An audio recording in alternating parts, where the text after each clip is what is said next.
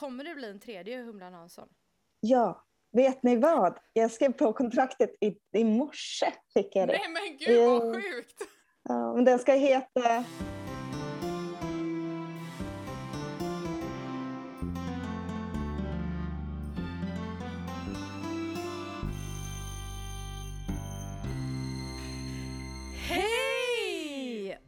välkommen till Barnbokspodden. Det är jag som är Sanna. Och det är jag som är Märta.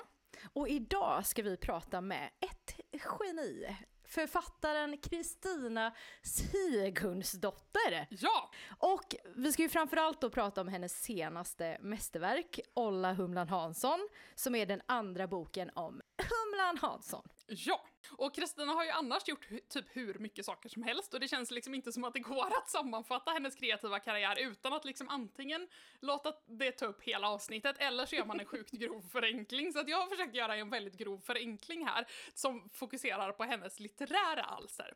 Och då debuterade hon 2011 med Sjöpojken, en mörk poetisk saga för vuxna beskriver eh, förlaget som. Efter det så har hon skrivit vuxenromanerna Hundgården och Rovfåglar. 2017 släpptes hennes första barnbok på Bonnier Carlsson, Pixieboken Min krokodil tror att den är en racerbil. Efter det så har hon kommit ut med både en sci-fi-bok för barn, Kryptosapiens, och en poetisk berättelse baserad på Edith Södergrans liv och dikter Landet som icke är, eh, som kom i år och då blev den också nominerad till Runeberg Junior Prize. Och så 2020 då, om vi backar ett år i tiden, så släppte ju då, släpptes Humlan Hanssons hemligheter illustrerad av Ester Eriksson och utgiven på Natur och kultur. Den stiftade vi bekantskap med första gången när den blev Augustnominerad. Eh, och så föll vi pladask bägge två. Ja, Och då går det, om man vill lyssna på när vi faller pladask för den så går det att lyssna på avsnitt 27 av Barnbokspodden som typ fortfarande kanske är vårt roligaste avsnitt, det är i alla fall ett av mina favoriter. jag minns det med sorg också. Ja precis, precis, det är också ett av våra ledsnaste för Sandra börjar ju gråta för att hon blir så rörd. Eh, men, och vi konstaterar ju också väldigt snabbt det på något sätt att eh, när vi läser de här Augustböckerna att så här, det finns många bra nominerade böcker 2020 men det är bara Humlan Hansson som har allt. Och så vann den ju också mycket riktigt så att vi gjorde ju uppenbarligen en korrekt bedömning. Och det visste vi! Ja, men det, var, det, det är ju roligt att lyssna på det här 27 avsnittet för då är ingenting är avgjort än. Och jag, okej nu säger jag ja, men jag öppnar med, jag bara, här har vi vinnaren. Första gången vi möter Humlan så är hon 11 år och har precis haft vattenkoppor. Och när hon kommer tillbaka till skolan så har bästisen Nor börjat hänga med hästtjejerna istället för Humlan. Och faster Fanny blir inlagd på vuxenpsyk och hon är väldigt nära, står ju Humlan väldigt nära. Och så att det är inte mycket i Humlans liv som är som det ska. Och den 8 oktober i år så kom alltså andra boken i serien och det var ju en högtidsdag dag för alla oss eh, Humlan-fans. Eh, Olla Humlan Hansson heter den och nu har Humlan då hunnit bli 12 år. Mm, nästan vuxen. Eh, absolut. Eh, och Nor och Humlan har ju då lyckligtvis hitt- de hittade ju tillbaka till varandra i första boken. Ja precis, det är svårt att prata om andra boken utan att lite spoila första boken. Men det känns inte som att Humlan-böckerna är så himla spoilerkänsliga för att det känns som att det är verkligen resan som är målet. Exakt, Nej, men det, går ju, det är ju det som är så här när jag ska berätta om så här, de bara, "Ja, men vilken är, vilken är din favoritbok? Ja men jag bara, ja men det är Humlan Hansson, vad handlar den om? Eh, men det går, så här, låt mig läsa den högt för dig. Nej men för det, är går bara- ju bara inte. ta den och läs den Ja, så fattar du. Men, vi, vi kan spara det här nu, så här, det, det sitter också en författare här ivrig att få flika in. Vi är snart här. Eh, eh, jo, så att eh, här har då Humlan hunnit bli 12 år. Nor och Humlan eh, har hittat tillbaka till varandra, sa jag. Eh, och nu ska de få fira jul ihop i Spanien tillsammans med Humlans familj. Men Tyvärr så har den brun utan solfärgade gympaläraren också rest till värmen och börjat ragga på Humlans mamma. Välkommen Kristina Sigurdsdotter till Barnbokspodden! Woo, tack så mycket! Alltså tack för att du vill vara med här idag. Ja men självklart, jag älskar er. Där kom det! det, det som nu sitter och lyssnar. kissa på Ja. sig. Nej, nej, nej, jag håller väldigt tätt. nej men alltså, eh, alltså vi älskar ju dig så mycket så att det, och vi har byggt upp den här kärleken och spänningen under så lång tid till både dig och Humlan för Alltså, jag, jag vet att man egentligen inte ska prata kanske om författarintentioner eller hur, hur verk sitter ihop Mm. med författaren och bara... eh, Men för mig så är du Humlan liksom. Och jag tänker att du skäms väl inte över det? Nej, alltså jag var i Helsingfors på någon fest med mitt eh, finska förlag och då så var det Linda Bondestam där, eh, illustratören, och hon introducerade mig som Humlan Hansson till alla. Det var liksom enklast och jag bara, ja ja, men då kör vi på det. Det är också roligt om hon, du, det visar sig sen att hon tror faktiskt på riktigt att du heter Ja, alltså det kan ju vara så. Jaha, jag trodde din bok hette Kristina Sigmundsdotter och du heter Humlan Hansson. Så jävla dålig titel på en bok. Nej, faktiskt inte. Du skulle köpt den om du var 11, att du bara, den här verkar kul. Den här tar vi. Snälla, snälla, kan vi inte läsa ja, den här? Nej, det är inte lika bra allitteration, absolut inte. Eh, men och apropå det här då med vad du heter och vem du är och sådär. Ja. Du ska få presentera dig nu, men Ja. du ska få göra det genom det här aktivitetsbladet som du och Ester har skapat eh, som fi- i Humlan, med Humlan-tema som finns på Natur och Kulturs hemsida. Ja, men det var så kul att den finns nu, för det var vårt eh, nyzeeländska förlag som bad om en sån liksom, aktivitetsgrej. Och då tänkte vi, vad ska vi göra? Och då gjorde vi något som vi tyckte, som vi själva ville liksom eh, göra. Ja, namn. Kristina Sigmundsdotter. Ålder? Jag är 40 år. Jag bor med. Min man Johan och våra barn August och Signe. Och lite silverfiskar. Du har ju redan en August hemma då när du vann August. Tror du han att han hade vunnit då kanske? Nej, men det var lite sådär att han, han tyckte det var orättvist mot Signe, att inte det var Ja. ett Signe-pris också. Så det var så gulligt. Eh, stilförebild. Eh, jag blir sugen på att säga Gargamel som är, eh, som är Humlans stilförebild, men jag gillar ju... Mm, ja, nu vet jag. Min stilförebild är Patti Smith. Mm. Eh, och det är skönt för hon är också lite gammal så jag känner att jag kan liksom växa in i den. så jag ja, kan följa henne liksom hela vägen ut till tant. Ja, det är svinbra. Mm. Och favoritperson då? Ja, men jag måste väl säga Ester Eriksson. Jag tycker hon är fantastisk. Gud vad fint. Hon är så, det är så fint. Nu så fick jag precis... Alltså jag får ju små bilder av henne hela tiden. Nu håller vi ju liksom... Jag får ju bilder av henne som, som kan bli saker som små frön. Mm. Liksom. Och nu fick jag någonting, det är hemligt vad det var. Men det var så jävla fint. Och jag känner att det här kan bli någonting. Men till oss kan du ju säga, det här är ju bara... Nej Nej men Sanna! jag skojar! Men vadå, men vänta nu, okej men nu är vi här.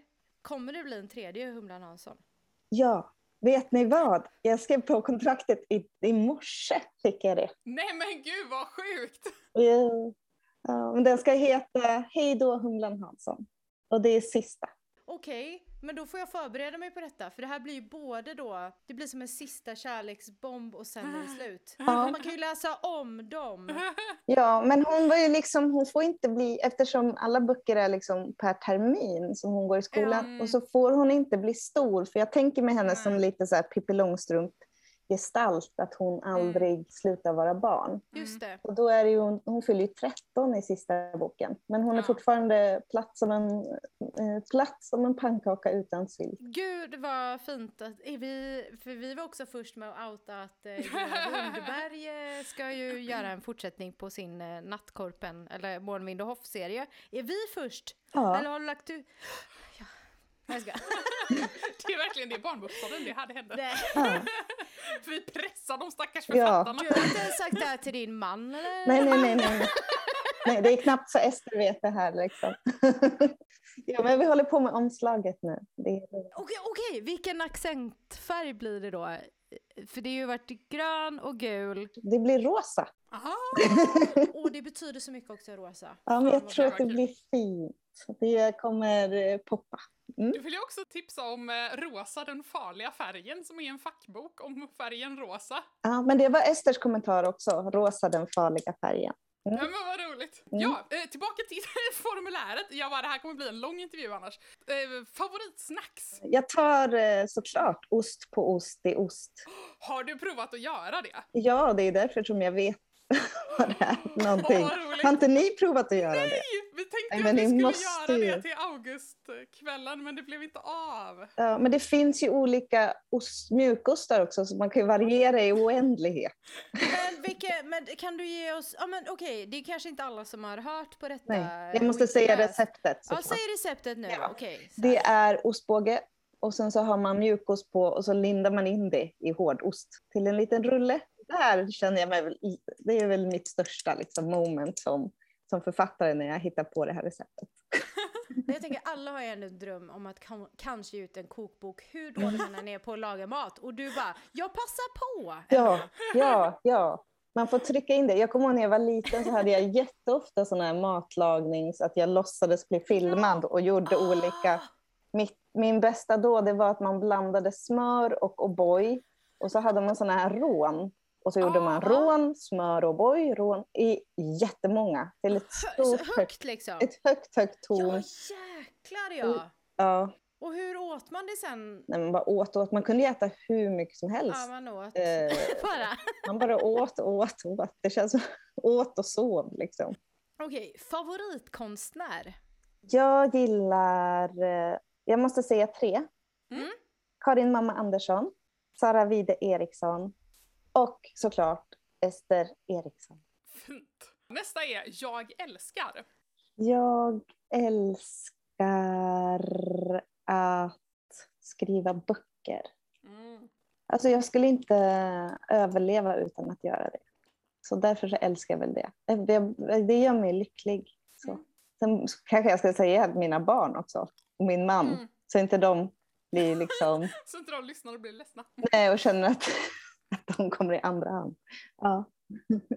Men jag kom på en sak till som jag Mm. älskar och det är bilderböcker. Alltså Ja. riktigt bra bilderböcker. Jag tycker det är typ den, när vi pratar om konst, jag tycker det är den bästa konsten. Mm. När man får till, liksom, när vissa böcker får till både illustrationerna och liksom texten. Och det kan ju vara så mycket så poesi i barnlitteratur som, man Mm. in, som är svår att få ut på annat sätt för in, Mm. inte så många läser poesi. Men det är liksom myllrar av poesi i barnlitteratur. Så en bra bilderbok är liksom det, mitt bästa konstverk som jag Mm. älskar. Jag har jättemycket barnböcker här hemma. Gud vad kul! Jag hatar. Ja, gud. Det första som kommer upp i mitt huvud, för att jag var ute och drack vin med några mammor som jag känner igår. Och då är det en mamma som jobbar med hemlösa familjer i Malmö. Och jag hatar de personerna. Nej, inte de hemlösa. Det vore ju fruktansvärt. Och så väljer jag att liksom outa det så här för hela... Ja, nej, jag hatar de politikerna som, som gör att de, att de här barnen, de får bara liksom eh, bara ha tak över huvudet från klockan fyra på eftermiddagen till åtta på morgonen. Resten av tiden så får inte de vara någonstans, så de måste gå runt på stan, hänga i varuhus. Eh, ja, men jag blir så jävla ledsen och upprörd Mm. över att det ens får existera. Liksom. När de är sjuka och borta från förskolan, då måste de hänga runt på liksom, eh, köpcentrum hela dagen. Usch. Ja, men tänk det här är ju barn, alltså små Mm. barn. En liten sexåring som nu, när vi sitter och pratar, går runt i Malmö. Eh, det är jättekallt ute nu.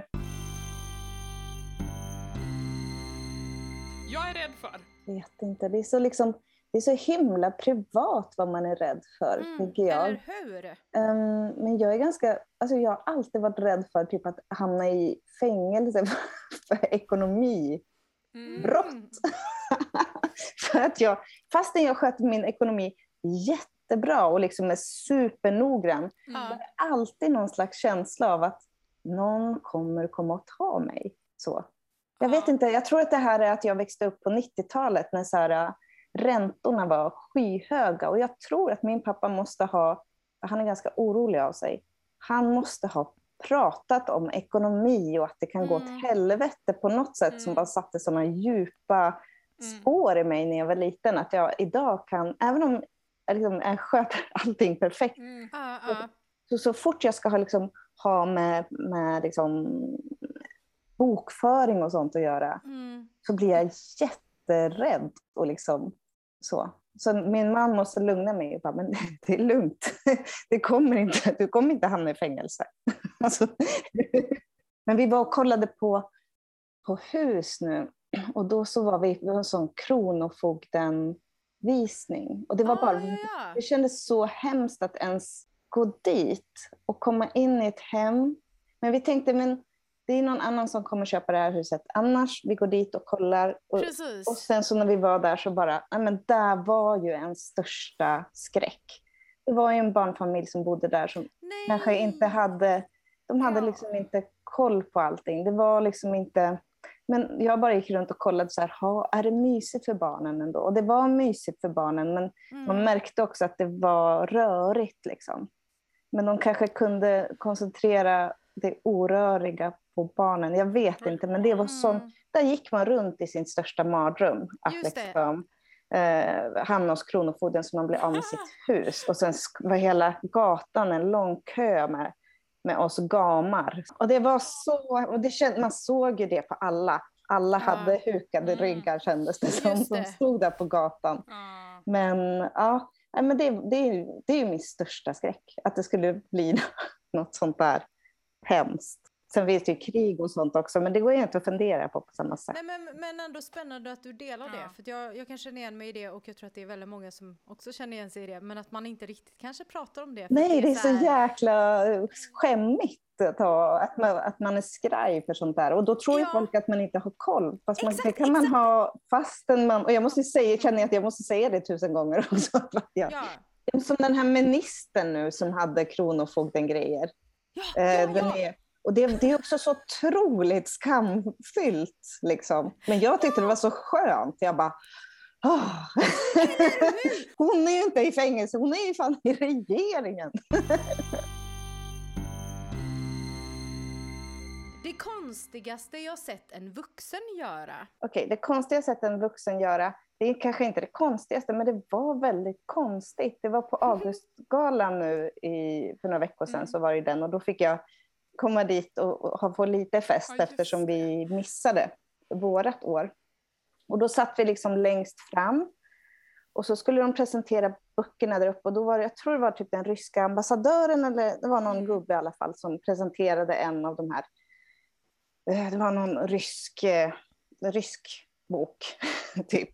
Ja. Och då så tittade han jättemycket på mig och min man och jag tänkte så här, kanske för att jag, jag hade jätteglittrigt med paljetter och så, jag tänkte han tyckte att jag var fin. Han Ja. log och log.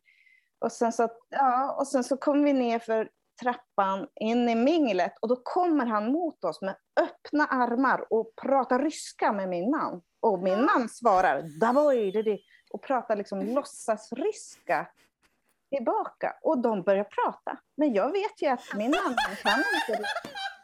Och de håller på. Det är som att den här gubben skiter i att det inte är riktigt ryska. Och de pratar så länge. Och till slut så känner jag, nej men jag måste ju gå härifrån. Det här är för konstigt. Så jag gick och han stod kvar. De stod och pratade. Och sen så fick jag höra då att den där ambassadörens fru kommit fram bara då och sagt och liksom, nej men det här stämmer inte riktigt. Det är helt sjukt! Men det är så roligt att din man Ja. har sån sinnesnärvaro att han bara, "Ah, ja men Ja, men han tyckte det var jättekul och bara, "Ah, oj, så. Och prata mycket. gud vad roligt. Ja. När jag känner mig ledsen, Då kollar jag på skräp-tv. Jag kollar på typ Bachelor. Mm. Det tycker jag är skönt. Om mitt hjärta var en grönsak skulle det vara... Jag säger väl potatis som humlan. Jag tänker att jag har tänkt på det så mycket, så det, det är nog det. Att, jag kan, Mm.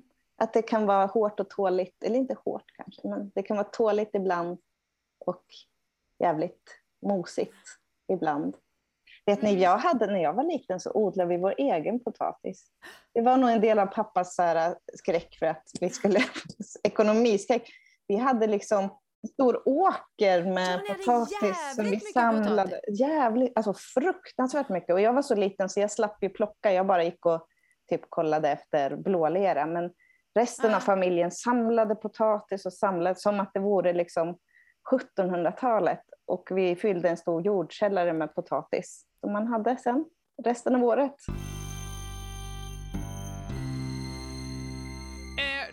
Jag tänker att min största hemlighet är kanske lite känsligt så vi kanske går på mina fulaste ord istället. Nej men vi kan vi ta en liten hemlighet i alla fall? Ja, men jag kan ta en liten gullig Ja, hemlighet. Ja, ja. Ja, men den finns ju med i Humlan-boken. Det är när jag var liten så hittade jag så här sprayfärg på skolgården och sen så gick jag upp och det här är så gullig hemlighet. Det finns så mycket mörka hemligheter som, som, som de finns så mycket att läsa i min den här boken Rovfåglar och så vidare om man vill läsa dem. Men det här var, då, då skrev jag i alla fall eh, Metallica på en sten på skolgården för jag tyckte inte om Metallica och då skulle ingen liksom misstänka mig. Ja, ja, och det är ju med också där. Vad är Ja. det Humlan skriver? Något hårdrocksband står Ja, det det bara. är, så, det är så jävla... Och vad kul att veta att det är fucking självupplevt. Ja. Det kanske fortfarande står Metallica på en, på en sten i Barkarös skolgård. Ja, fy fan vad roligt. Mina fulaste ord. Eh, Jag har ju förmodligen listat dem eftersom jag använder mina egna som kviga och slida är ju hemskt. Smeka är nog mitt fulaste. Smeka. Otroligt mycket rys på det alltså.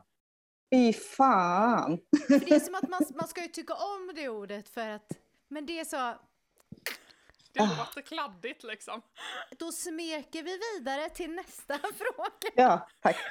Ja, eh, jag som djur är det, det är en liten fin eh, ruta här uppe där man ska eh, rita sig själv som djur, men det gör sig lite dåligt att rita i podd. Så du kan helt enkelt få beskriva dig själv som ett djur. Ja. Men alltså vad jag skulle vilja vara, det är en älg tror jag. Ah, Med sån här ah. stor krona som går runt och är så här jävla mäktig i skogen. Så, så kanske jag kan känna mig ibland också. Som en stor älg, typ. Gud När jag är i skogen. Inte när jag är i stan. Men eh, i skogen kan jag känna mig som en sån där mäktig älg. I skogen vaknar din inre älg. Ja. Jävlar, nu har vi bara 70 frågor kvar. Ja, precis. Men, men eh, då ska vi gå in på, på att prata om humlan. Eh, och då, hur och när kom du liksom på humlan? Eller när kom den här boken till dig? Ja, alltså det är några år sedan när jag satt på um, bibl- jag gick till bibblan för att läsa böcker som jag själv läste när jag var typ i 11-årsåldern. För att eh, min man är hjärnforskare så han hade pratat mycket om så minnet med mig och hur det funkar Mm. och hur det är associativt. Så att vissa minnen väcker andra minnen och att käns känslorna man har är som tyngder på minnet. Mm. Så om man har starka känslor så kommer man liksom eh, minnas det starkare och tydligare för att typ Mm. överleva. Och då tror jag att det hände då när jag eh, var på bibblan och läste de här böckerna så, så började jag minnas både böckerna som jag hade läst men också vem, som, vem jag var när jag var 11. Mm. Plötsligt satt det en liten tjej bredvid mig som heter Humlan Hansson, vicka på stolen. Ja, och så var det väldigt lätt. Det är väldigt, väldigt lätt att skriva om henne. Det går undan liksom. Mm. Det går nästan för fort. Så min förläggare är lite så här, oj, oj vad fort. är du riktigt, är du verkligen färdig? Och så känner jag, ja det är jag nog. Ja, för då kan vi ta den här frågan då som vi hade. Alltså, hur lång tid tog det då att skriva Humlan, alltså första Humlan-boken då? Från typ idé liksom till... Ah, Det är så, alltså om jag bara hade fått skriva, om allting hade liksom varit i skrivtid så är det Mm. kanske inte jättelångt. Men det tar ju, det är ju en process också. Mm. Och det tar ett år där jag också jobbar tillsammans med Ester och hennes illustrationer för att de Mm. är så de påverkar mig väldigt mycket i Mm. humorn och vad som ska hända. Vad jag vill se henne göra liksom. Eh, för hon är ju så jävla rolig. eh, Ja. Ester. Och liksom, eh, hon är ett geni. Det, tar, vet, det är så svårt att säga hur lång tid det tog, men typ ett år. Ja. Hur långt tog andra boken då liksom? Alltså bara för att ha någon sorts jämförelse. Det gick jättefort att skriva. Kanske någon månad. Oj, wow! Då pratar man ju om själva liksom, första manus. Sen sitter jag ju med min redaktör Hanna som är, är fantastisk. Liksom. Hon är som min andra hjärna på något sätt. För att det är så himla, Hanna Skogar Sundström heter hon. hon Mm. hon är verkligen, fattar verkligen mig och fattar verkligen humlan. Så att jag är så trygg med att när jag skickar till henne så, så ser hon på det här. Och hon, nej men hon är min extra hjärna. Sådär. Så hon är ju också en stor del av, av liksom processen att slipa fram slutprodukten. På något sätt. Och, eh, men det, som jag, det jag gjorde då det var att jag skrev direkt efter att jag skrivit första så skrev jag andra. Ah, ja, ja. Och då för, för i Olla Humlan Hansson så ville jag ju att de skulle vara tillsammans, Nor och Humlan. För jag hade längtat så mycket efter, för de, hon hade ju saknat Nor hela tiden. Mm. Och så i andra boken ville jag att de skulle, man skulle se deras kärlek och deras liksom kul. Alltså två små tjejer och Mm. hur roligt de har och deras liksom hemliga liv tillsammans. Den är mycket ljusare, för de får ju vara tillsammans och då blir det ju mycket. Men man vill ju ändå att, alltså, det är ju ändå den här ständiga Mm. liksom, rädslan för att Nor ska försvinna igen. Så den finns ju där, det är väl det liksom, som är, är mörkret i den här. Det är ju liksom, relationer som ska brytas. Det är väl det som man är väldigt rädd för när man är barn, tänker jag. Verkligen. Eh, att man inte ska ha kvar sin bästis eller att mamma och pappa ska skiljas. Mm. Och liksom, eh, det är väl, det är väl så väldigt vanliga rädslor som, som barn har.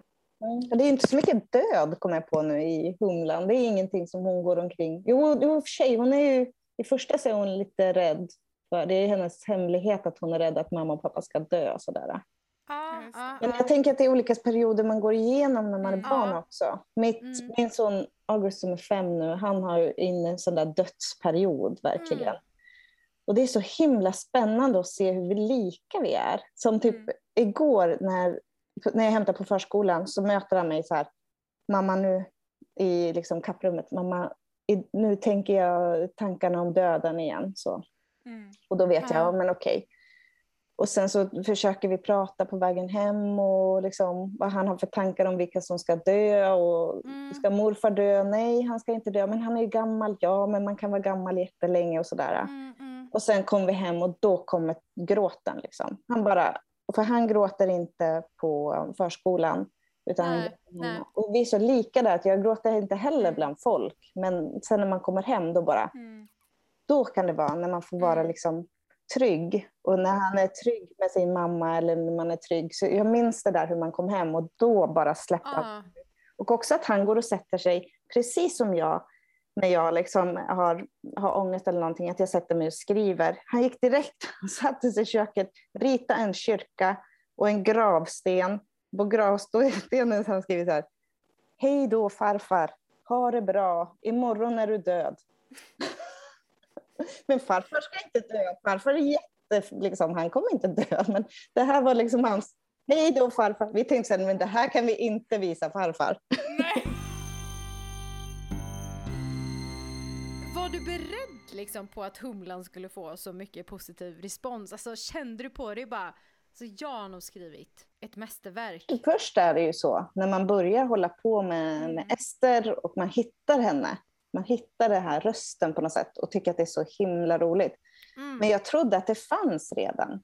Ah, Jag trodde väl att någon annan hade skrivit något lite liknande så jag blev väldigt chockad över att hon var unik. Liksom. mm. Ja, så det var lite det var förvånande liksom, att, hon, att hon inte fanns redan, för hon är så självklar. Liksom. Mm. Ja. Ja. ja, för dig ja. Ja. Nej, men, men, ja. Och nu är det ju också ett år sedan som Humlan fick Augustpriset. Känner du att det har liksom förändrat någonting i ditt författarliv? Ja. Eh, Finns det ett före och ett efter? Ja, absolut. Nej, men man får väl... Um, Oskar Kron svarar på den frågan. Mm. Eh, och då sa han att man fick ett lugn. Liksom. Mm. Eh, och att man får hålla på med det som man vill hålla på med. Det är väl det det handlar om, att jag äntligen får ett lugn. Men det är också det här att min familj, som består av typ civilingenjörer och Ja. jag vet inte, skogshuggare, de fattar inte vad jag håller på med. Jag har ju skrivit så länge och lite märkliga saker. så. Ja. Ehm, det är inga bestsellers som jag har suttit och försökt uh, traggla ihop alls. Jag, har inte, Mm. jag är inte intresserad av, eh, tjäna pengar för pengar är så jävla läskigt. Ja. nej, nej, så är det inte. Men, men jag har liksom inte varit intresserad av det. Jag har alltid gått på det som jag tycker är som brinner i en. Liksom. Ja, och då så fick jag äntligen fick jag liksom visa dem att det här är värt någonting. Jag vet Ja. inte. Att de, det var så skönt för pappa också tror jag. Så här, Jaha, okej, nu fattar jag. Nu, Mm. alltså, han blev också så här trygg med att, att det gick att, att hålla på som jag gör. Och jag Just tycker det. det är så himla skönt att jag får hålla på med det som, som jag gör. Att folk verkar Mm. tycka om det. Jag känner mig inte så ensam kanske efter det. För det fanns så många andra som, som var på, på min sida. Liksom. Jag trodde ju först att Humlan var ett smeknamn. Mm. Men sen så googlade jag lite och bara, nej men det kan man ju heta liksom i förnamn. Så först och främst så här, visst är det, det är ett, det är hennes tilltalsnamn på riktigt i, i passet. Nej. Nej, va? Nej, Nej. va? Nej, men hon har ju såna liksom ordentliga föräldrar så de skulle ju inte döpa en. Men jag har ingen aning om vad hon heter. Hon har ju inget annat namn så. Det är ett smeknamn. Nej men för jag, blev, för jag har alltid tänkt att det var ett smeknamn och sen så tänkte jag så här, ja men Kristina är ändå, hon är väldigt alternativ. Men det är inte Humlans mamma. Men okej, okej, så, så mm, och, och du har ju inte ett uttänkt namn då vad hon heter egentligen, men Humlan är hennes eget smeknamn på sig själv och som andra kallar henne då, eller? Ja, det kan ju vara faste Fanny som har börjat kalla henne det också. Just det. Men hon har ju haft det här sedan hon var liten så det har ju fastnat på, det kanske är föräldrarna som har kommit på det också, men för det är okej, i deras värld är det okej att kalla en liten bebis för det kanske. De är ju liksom, Ja, ja. men eh, det bara är att hon heter så. Alltså det är så självklart. Men visste du att man kan heta Humlan? Nej, jag hade ingen aning. Nej, det är godkänt av Skatteverket. Det finns typ så här fyra kvinnor i Sverige som heter Humlan i förnamn. Men gud vad gulligt. Men du sa att det var liksom självklart från början att det var liksom Humlan, eller så här, hur, alltså hur kom Humlan-namnet till dig första gången liksom? Eller Humlan-smeknamnet? Det bara kom. Jag gillar, men det bara kom och så, det låter så gulligt tycker jag med Mm, Humlan ja. Hansson. Det är väl det. Jag tycker det, så, det låter så himla gulligt. Det är ju nästan Mm. för gulligt egentligen för att det ska sälja på något sätt. Mm. jag vet inte, det kändes som så här, ah, kommer folk vilja, vilja köpa den här boken? Och det var ju så här, först var det så här, men först hette boken Dagbok för dårar. Just Mm. det. Alltså det första manuset som vi fick in. Och sen så var det Humlans hemligheter. Men det, kunde, det var ett förslag från förlaget, men det går ju inte för då låter det som någon naturinsektsbok. Ja, just det. Ja. just det. Så då var mitt förslag Humlan Hanssons hemligheter. Mm. Och Ja. nu, nu är det ju såklart att det ska heta så. Men jag tänker att humlan är ändå alltså fin, alltså för jag tänker att en humla är ju mjuk men också har ett sting liksom. Så jag Mm. tänker att det är väl ändå ganska fint. Ja, ja nej, men det är så fint att, att folk får ha sina egna tolkningar kring det eftersom det är helt öppet för mig. Liksom. Eftersom jag inte haft några några tankar kring insekten. Hon heter ju Cricket Carlson i, i den engelska versionen. Det tycker jag också är jättegulligt. Men hon är ju Jättegulligt. ingen cricket liksom. Men det, cricket är ju också ett väldigt gulligt namn. Mm. Mm. Ja, det, är, det är så kul med så översättare, hur, hur man ska liksom hitta rätt namn. För de tror ju att det är väldigt viktigt att det är en insekt och sådär. Mm. Och, ja, frågar mig mycket om det, men det är ju inte alls viktigt. Det viktiga är ju att det svänger. Liksom. Men vi får reda på väldigt mycket om humlan, som är liksom hur gammal hon är och vad hon har för modeförebild och så här. Men Mm. en sak som vi inte får reda på är vart humlan, eller var humlan bor. Har du liksom haft en specifik stad eller ort eller plats för din inre syn när du har skrivit? Ja, den är ganska vag faktiskt. Mm. För att hon är ju mycket i skolan och skolan är väldigt Mm. tydlig. Skolan är en högstadieskola som heter Nybyggeskolan i Västerås. Den har jag i mitt huvud, för den, var så, den gav sådana intryck. Det var sådana farliga korridorer där, alltså Mm. med farliga kickers som det var när jag var liten. Just som det. liksom var där i korridorerna som man skulle, kunna, som man skulle gå förbi. Och, Mm. ah, en vidrig tid så. Eh, men, men, så den har, och de toaletterna och liksom allt det där.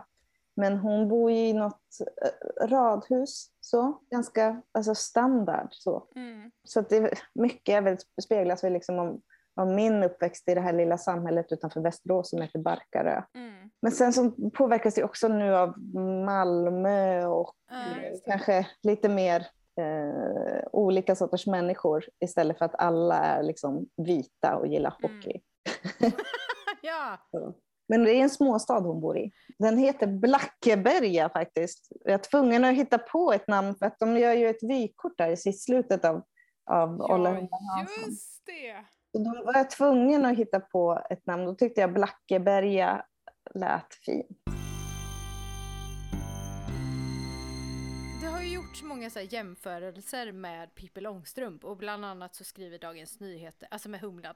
Mm. Och bland annat så skriver Dagens Nyheter eh, att de jämför henne med en emo-version av Pippi Långstrump. Alltså fanns Pippi med i bakhuvudet när du skrev Humlan? Alltså från första första början innan någon hade liksom... Nej, men det går väl inte att undvika att ha Pippi Långstrump i bakhuvudet. Eller hur? Eller, men jag, var, jag tror inte jag var så en jätte Pippi Långstrump-fan när jag var liten. Nej. Överhuvudtaget så Astrid Lindgrens saker skrämde mig ganska mycket. Eh, Mm. Jag var väldigt alltså, rädd för Mio Mio Mio liksom, de Bröderna Lejonhjärtat, så det var alldeles för, eh, för läskigt för mig. Så jag minns inte att jag var någon sån Pippi Långstrump-person alls. Nej. Men, hon, men jag blev väldigt glad för det, för att eh, eftersom folk i hela världen gillar Pippi Långstrump så var det så himla snyggt. Säg lite emo Pippi Långstrump. Ja, Jag bara, tack för den. Men du har ju en Pippi-blinkning i Humlan 2, det här med utan snus försmäktar jag julen med en russingubbe. Ja, ja. Var, det, var det liksom en medveten blinkning till Pippi då? Alltså, eller, eller hur? Jo, och det är ju, tror jag, när att Humlan vill ju liksom vara gullig med Nor Mm, mm, mm. och försöka närma sig henne med något slags barnskämt. Jag vet Mm. inte. Och liksom att göra saker lite ofarligt som Pippi Långstrump ändå är för barn. Alltså det, henne, ge henne lite styrka i den här skitjobbiga situationen när hennes mamma inte verkar bry sig om att de inte firar jul tillsammans. Mm. Eh, utan att, att Nors mamma är liksom kvar hemma i Sverige med den här russingubben som de hatar. Och det är ju ja, men det är nog Humlans sätt att eh, liksom ge henne lite kraft, tror jag. Och då använder Mm. hon sig av Pippi Långstrump. Men, men liksom var det, alltså var det en blinkning till de som har tolkat dig som Pippi? Nej, men jag är så omedveten om, om, om världen på något sätt när jag skriver. Så det, nej, men det går inte, för när jag börjar tänka på vad andra tycker är kul eller vad andra, då, då hopp, hoppar jag ur. Liksom. Men vissa för, författare kanske klarar av det på något sätt. Men det är så jobbigt. Jag är så himla självmedveten hela tiden annars, typ när jag hänger bland folk att jag ska hela tiden se mig själv så som jag tror att andra människor ser på mig när jag umgås Mm. med folk. Så Mm. jag, min, alltså skrivandet är ju min fristad, så jag, då, där vill jag gärna inte släppa in någon. de har ju fantastiska illustrationer, Humlan-böckerna. Och de känns som att de också väldigt mycket gifter sig med texten. Det är verkligen så här ett plus ett är Mm. tre liksom. Eh, och att det känns som det hade inte varit samma Humlan-berättelse utan Ester Erikssons bilder. Mm. Och då blir jag så här, var i Humlans på något sätt tillblivelseprocess kom Ester in i bilden? Hon kom in innan, alltså för vi ville ju göra en bok tillsammans, så jag höll ju på Ja. att leta efter någonting. Vi, jag gjorde ett annat manus innan, men det var ju så här, eftersom vi båda förlorade våra mammor som ganska unga så, så är det vårt gemensamma tema på något sätt. Så de första förslagen handlade om sånt. Och det var Mm, otroligt mm. sorgligt. Så det blev liksom ingenting. Men jag höll på att leta efter någonting som vi skulle kunna göra tillsammans. Och då är det ju, ja men typ, det här var ju våran unge liksom. Det var så tydligt, så det var så självklart när jag liksom väl hade liksom skrivit första, liksom, ett litet minimanusutkast och skickade till henne Mm. Så kändes det så självklart att det är det här vi ska göra. Liksom. Nästa år så kommer det ut en ny serie som är från 6 till 9, Bims värld, ja. Bim Bang. Eh, och då är det en norsk illustratör som heter Jenny Jordahl. Och hon blev jag till, alltså hon, vi blev parade. nej, men det var väldigt sådär eh, läskigt i början. Innan, Mm. innan jag Ja. hade sett de första illustrationerna. Men där Ja. var det ju också att, att jag menar, min förläggare Marie har ju öga och näsa för Mm. saker. Liksom. Mm. Så, och hon presenterade det här och sa vad tror du om det? Och jag sa absolut. Mm. Liksom. De sakerna som Jenny Jordahl har gjort med liksom, kvinnor i kamp och eh, sådana grejer. Hon är jävligt rolig och liksom, Ja. vild i sina illustrationer. Hon har inte... I, i, den, I de böckerna så är det lite yngre och det är inte samma mörker kanske som, som jag och Mm. Ester går och släpar runt på Nej. Eh, och gräver ur när vi håller på tillsammans. Fast det är klart att det är mörkt, jag kan inte skriva ut, utan liksom lite eh, mörker, men jag kanske får dämpa mig lite och anpassa mig på ett annat sätt när det är en, en illustratör som kommer från ett annat håll kanske. Men du har ju så sjukt bra balanssinne när det kommer till att skriva. Alltså det här med mörker och, eh, och ljuset. Alltså det, du är så otroligt bra på det. Mhm, tack. Och, och jag tror att det är många, många som inte vågar. Nej, men jag, jag kan inte skriva om så, alltså att det blir så mörkt med den psykiska ohälsan liksom. Ja, men det är ju så, man är ju så intresserad av det när man är barn också. Och det Mm. kommer ju liksom, Bim Bang kommer det också vara. Och då handlar det om en mamma som är, ja, kanske åt det bipolära hållet liksom. Ah, vad intressant. Mm. Men också en fantastisk härlig morsa så. Att hon får vara en vild och härlig och liksom levande morsa. Men barnet tycker, där Bim blir mer den här som vill att allt ska vara normalt. Det är där humorn, humorn kommer in i det. Och det är därför Jenny Jordahl är så liksom, klockren för de böckerna. För att hon, hon kan fånga liksom, den här hippiemorsan som har så mycket liv och härlighet i sig. Som man bara vill få henne att låta, låta henne vara som hon är Ja låta henne gå i det på hösten för att sen väckas upp till sitt otroliga jag. Liksom. Ehm, så det, men det var jättespännande. Det ska bli så kul att se vad som händer med dem.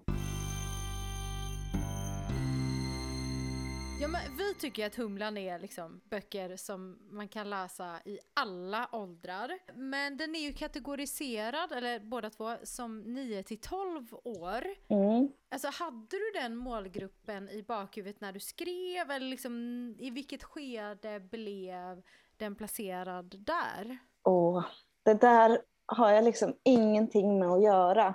Nej. För att jag, eh, jag tänker aldrig på det när jag eh, skriver, utan det får, får de... Men det är ju störigt när man ska liksom ta bort en massa människor. För det är det man gör. Men jag, men jag förstår ju att de gör det. Alltså i alla fall den Ja. lägre så. Men sen så kanske man skulle vilja... ja, men folk måste ju fatta att man kan läsa barnböcker fast man är äldre. Så. Mm, alltså det är så fantastiska historier.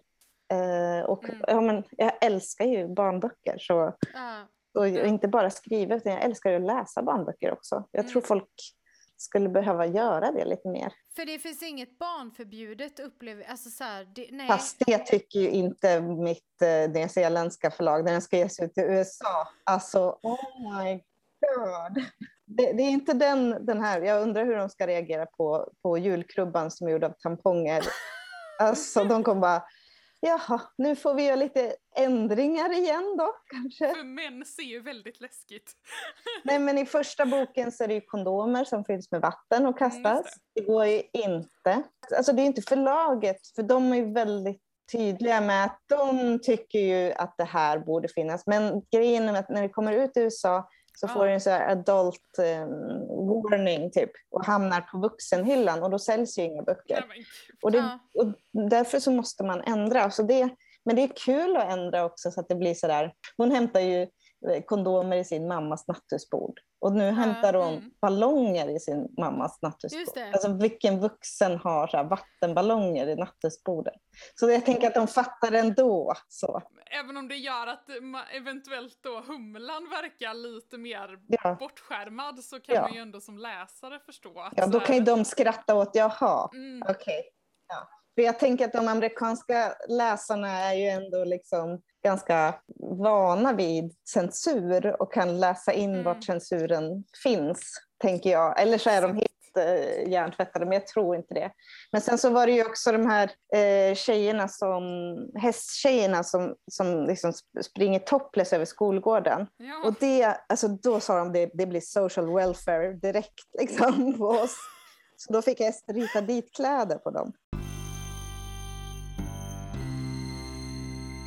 Jag tänker att det här är en lite så här konstig fråga att ställa för att jag tänker att det man inte vill vara som, eh, som författare är på något sätt uppfostrande eller så här. Men jag tänker ändå så här, vad, vad hoppas du att barn ska få med sig på ett eller annat sätt? Det behöver liksom inte vara på ett uppfostrande sätt men genom att läsa Humlan eller vad hoppas du att man barnläsaren tar med sig liksom? Alltså det som jag främst hoppas är väl att om det finns någon som är lik henne, att de får någon liksom Mm. boksyster att hålla i handen. Så. Ja. Det, det tänker jag, att eh, om man sitter ensam på toa på rasten eller så, att de Mm. får, får någon sån. Och sen så kanske att psykiskt sjuka människor inte är farliga. Vilket är vanligt sätt att gestalta psykiskt sjuka i Mm. böcker, att de också är farliga sådär. De kan ju vara Mm. ro, jätteroliga, till exempel. Det kan man ju uppleva som barn. Så. Eh, men det är, det är svårt det där alltså, med folks reaktioner. Men det, det, man får ju inte tänka på det. Liksom. Jag pratade med Oskar Kron om det nu också. Vi sågs i Göteborg eh, för en vecka sedan. Mm, mm. Och då pratar vi om det, liksom skriva om saker som är tabu. Men vi skriver ju utifrån Mm. ett barnperspektiv. Och barn ser olika saker. Och barn ser psykiskt sjuka. Som, i, eh, som i Humlan Hanssons hemligheter, där det är en tant med Tourettes som säger knull, knull hela tiden. Och det är svinroligt liksom. Ja. Men, eh, men det är skitjobbigt att ha Tourettes. Men jag hoppas att det också... Det är klart att det är jättejobbigt att säga knull, knull hela tiden. Ja. Så det framgår väl också att det är både jobbigt Mm. och roligt. Eh, Så det är ju... Men det är, det är klurigt det där, hur man liksom, Mm. vad man får och inte får skriva. Men som tur är så har jag förläggare som, som får sätta, de får liksom sätta gränserna, känner jag. Mm. Eh, Så slipper jag hålla på att tänka på det. Har det varit något som har stuckit ut lite extra liksom? Någon så kommentar som du har fått på skolbesök eller? Alltså, det har inte varit så mycket skolbesök på Humlan Hanssons hemlighet eftersom den, att den kom ut när man inte kunde göra skolbesök. Men jag får ju, får ju brev. Liksom. De skriver sina egna eh, dagböcker och gör sina egna bilder. För det som Ester och jag kände var viktigt med den var också att, att språket skulle vara på deras nivå. Alltså, de skulle också Mm, kunna ja. känna sig att de skulle skriva som jag. Och illustrationerna också kände Ester att hon ville att Mm. de skulle vara att, de, att, de inte, att vi inte är över dem utan att de känner att de också Mm. kan göra den här boken. Så det är väl det vi har, de reaktionerna som man har fått är att, att det funkade liksom. För de härligt. till oss. Men sen så den andra, Olla Humlan Hansson, då, alltså Mm. det är så mysigt för att jag får så mycket, det är mest föräldrar då som hör av sig, men att de har aldrig hört sitt barn skratta så mycket när Att de bara skratt, ligger och skrattar på sitt rum. De är så här, Jaha, men vad är det? Och så läser de själva och så skrattar de. Men det är så jäkla mysigt att, att Mm. för jag har inte sett mig som en sån person som, som får folk att skratta eller att jag ska skriva roliga saker. Det har liksom inte funnits i mitt huvud. Och så är det tydligen Nej. så. Det är världens bästa liksom, present att man får veta att det är jättemycket barn som ligger och skrattar. Liksom. Och Mm. finns det något finare? Nej, det tror jag inte. Gud vad roligt. Men för jag vet ju när jag läste Eh, när jag läste Olla Humlan Hansson så satt jag ju och läste och då satt ju jag också och skrattade högt och så ser jag så här min sambo sitter bredvid och spelar tv-spel och då så tittar han lite så här uppförande på mig för att det är liksom, du vet, då får man ju lite dela med sig av det som var roligt så här. Så jag bara, ja ah, men du vet, och så börjar jag läsa och sen så skrattar jag nästa gång och sen så inser vi ganska snabbt att jag kan ju inte läsa allting som är roligt för att då får jag liksom högläsa hela boken. Så att han bara, men visst ska du eh, låna den här på biblioteket sen också? Så här, jag bara, jag tror jag kommer få ett resex så att du får lä- läsa den också. Han bara, åh vad bra. Ja, vad fint. Men för Humlan-böckerna känns ju lite så här, de är, de är på något sätt ganska anti och ganska uppkäftiga på något sätt. Alltså de, de har, alltså jag tänker särskilt på hur de Alltså vilka lösningar som de presenterar på problemen. Eh, det känns som att du är så väldigt mycket typ till exempel bråka med föreställningen om det lyckliga slutet. Eh, och då tänker jag delvis på scenen i första boken där Nor och Humlan smetar choklad runt munnen och tar på sig det här mobbningsepitetet mm.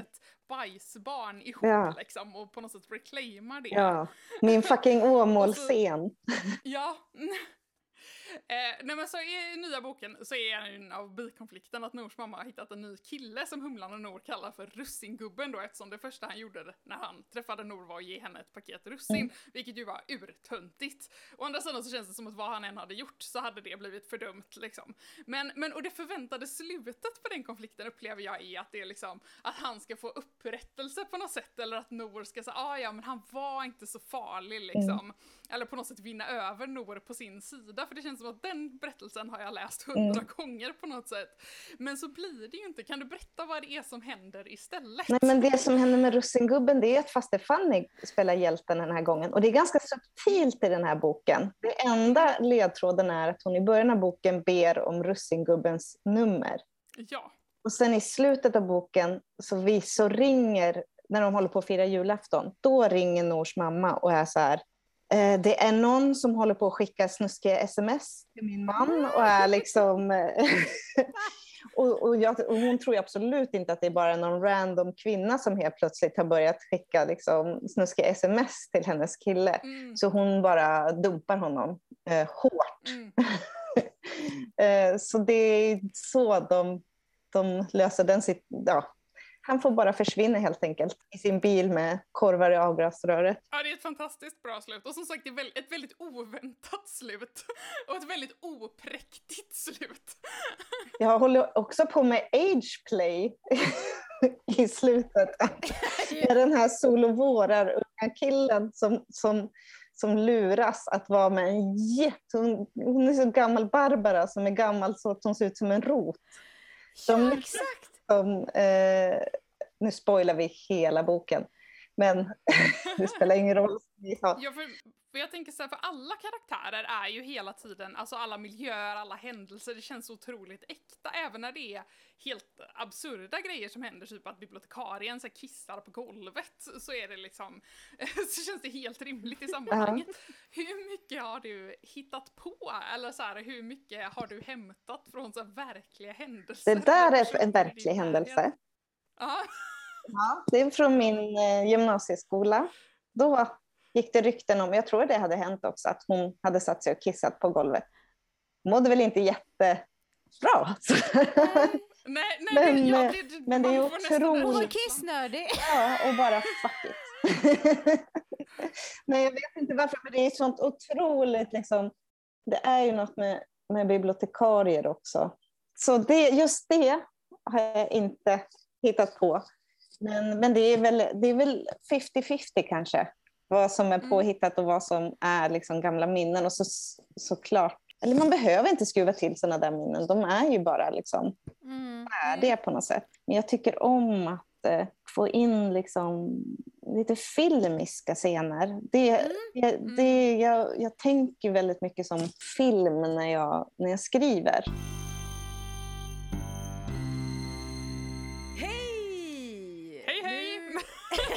Kanske är jättekonstigt att jag avbryter med ett hej här. Men eh, nu när du hör det här så var det några dagar sedan som vi intervjuade Kristina. Och vi, ja. vi höll ju på i tre timmar. Det är, det är många timmar.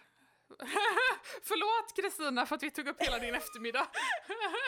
ja, men exakt. så länge har vi ju inte ens du och jag liksom poddat någon gång ens när vi Nej, liksom haft jag var väldigt, så väldigt glad när vi slutade där. Jag bara, det är skönt ja. att det är Sanna som ska klippa det här för att jag eh, ja. dör. Ja, och äh, även fast vi spelade in så länge så tänkte vi, ja men vi kör ändå på som vi brukar, att det blir ett timmeslångt avsnitt, så där är vi nu. Så Sanna har suttit med stora saxen kan vi säga. Ja, det har jag fått göra. Ja, och vi intervjuade ju dessutom Kristina så länge så att hon nästan missade att hämta sina barn på förskolan. Åh oh, jävlar! Nej, jag ska hämta mina barn om äh, klockan kvart i... Jag, måste, jag ska vara där fyra. Ja, men det gick nog bra, hoppas vi. ja, det blev ju lite, det blev lite plötsligt där. ja, men verkligen. Men eh, vi hann i alla fall säga puss och tack och hejdå till varann. Puss puss. Tack. Ha det fint. Och jag måste ju säga att det var så kul men också så nervöst att eh, intervjua sin idol. Eh, ja, eh, men jag tror ju ändå att Kristina uppskattade intervjun. Nej, gud, jag kommer få så hybris av den här intervjun så jag, så jag vet inte vad. Det är inte alls bra för mig. Tack så mycket Kristina för att du ville vara med och prata med oss i Barnbokspodden och vi fick nog lite hybris vi med av att prata med dig.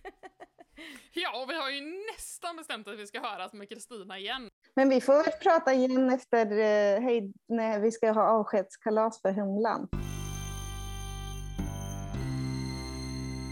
Det har varit en höst. Det har varit ett år. Mm. Det har varit en påfrestande höst och jag tror att vi bestämde bägge två att det är nog nyttigt för Barnbokspodden med lite jul. Och vi hade ju egentligen så här ett avsnitt, det, det är lite så här, det är kill your darlings här. Mm, ja, Vi skulle egentligen ha ett avsnitt där vi skulle prata om julkalendern och de här knyckertsböckerna, men vi var så här, nej men vi, nej, vi utsätter oss inte för det, nu tar vi, nu tar vi jullov liksom. Mm, mm. Nej men så att vi, vi, vi stannar när vi är på topp, vill säga innan vi har blivit utbrända.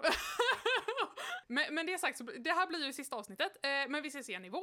Och vi har inte, apropå den här utbrändhetstemat, så Mm. har vi inte riktigt bestämt ett datum för när vårsäsongen drar igång, men det kommer vi såklart posta på sociala medier så fort vi, så fort vi har bestämt oss och så fort vi har klättrat ut ur den här julgrottan och bestämt oss för att vi är redo att ta tag i vardagen igen. Ja, Ja, och vill ni komma i kontakt med oss så finns vi ju på sociala medier under tiden och eh, så kan man ju också mejla till kontakt barnbokspodden.se och så har vi också vår hemsida barnbokspodden.se. och om det är så att ni har tänkt köpa några böcker på Bokus under julen eller tills det att vi ses igen så får ni jättegärna använda våra affiliate-länkar som ni hittar i poddbeskrivningen eller på vår hemsida. Just det, för vi brukar ju länka till de specifika böckerna och det gör vi ju idag också. Men, mm. Eh, men man kan ju faktiskt klicka på länken och sen köpa precis vad som helst. Affiliate-länken, den är inte så himla pjoskig liksom. Ja, men Den bara, ah, ja precis. du, du vill eh, donera till Barnbokspodden. Exakt så, liksom, så länge som man har gått in på Bokus via en av våra affiliate-länkar så får vi liksom en liten peng för vad du än köper där. Så det behöver inte specifikt vara de bö- böckerna vi pratat om i avsnittet. Nej men precis. Mm. Eh, så ta hand om er och kom ihåg att coola vuxna läser barnböcker. God jul! Just det, god jul och gott nytt år och eh, läs mycket böcker. Hej!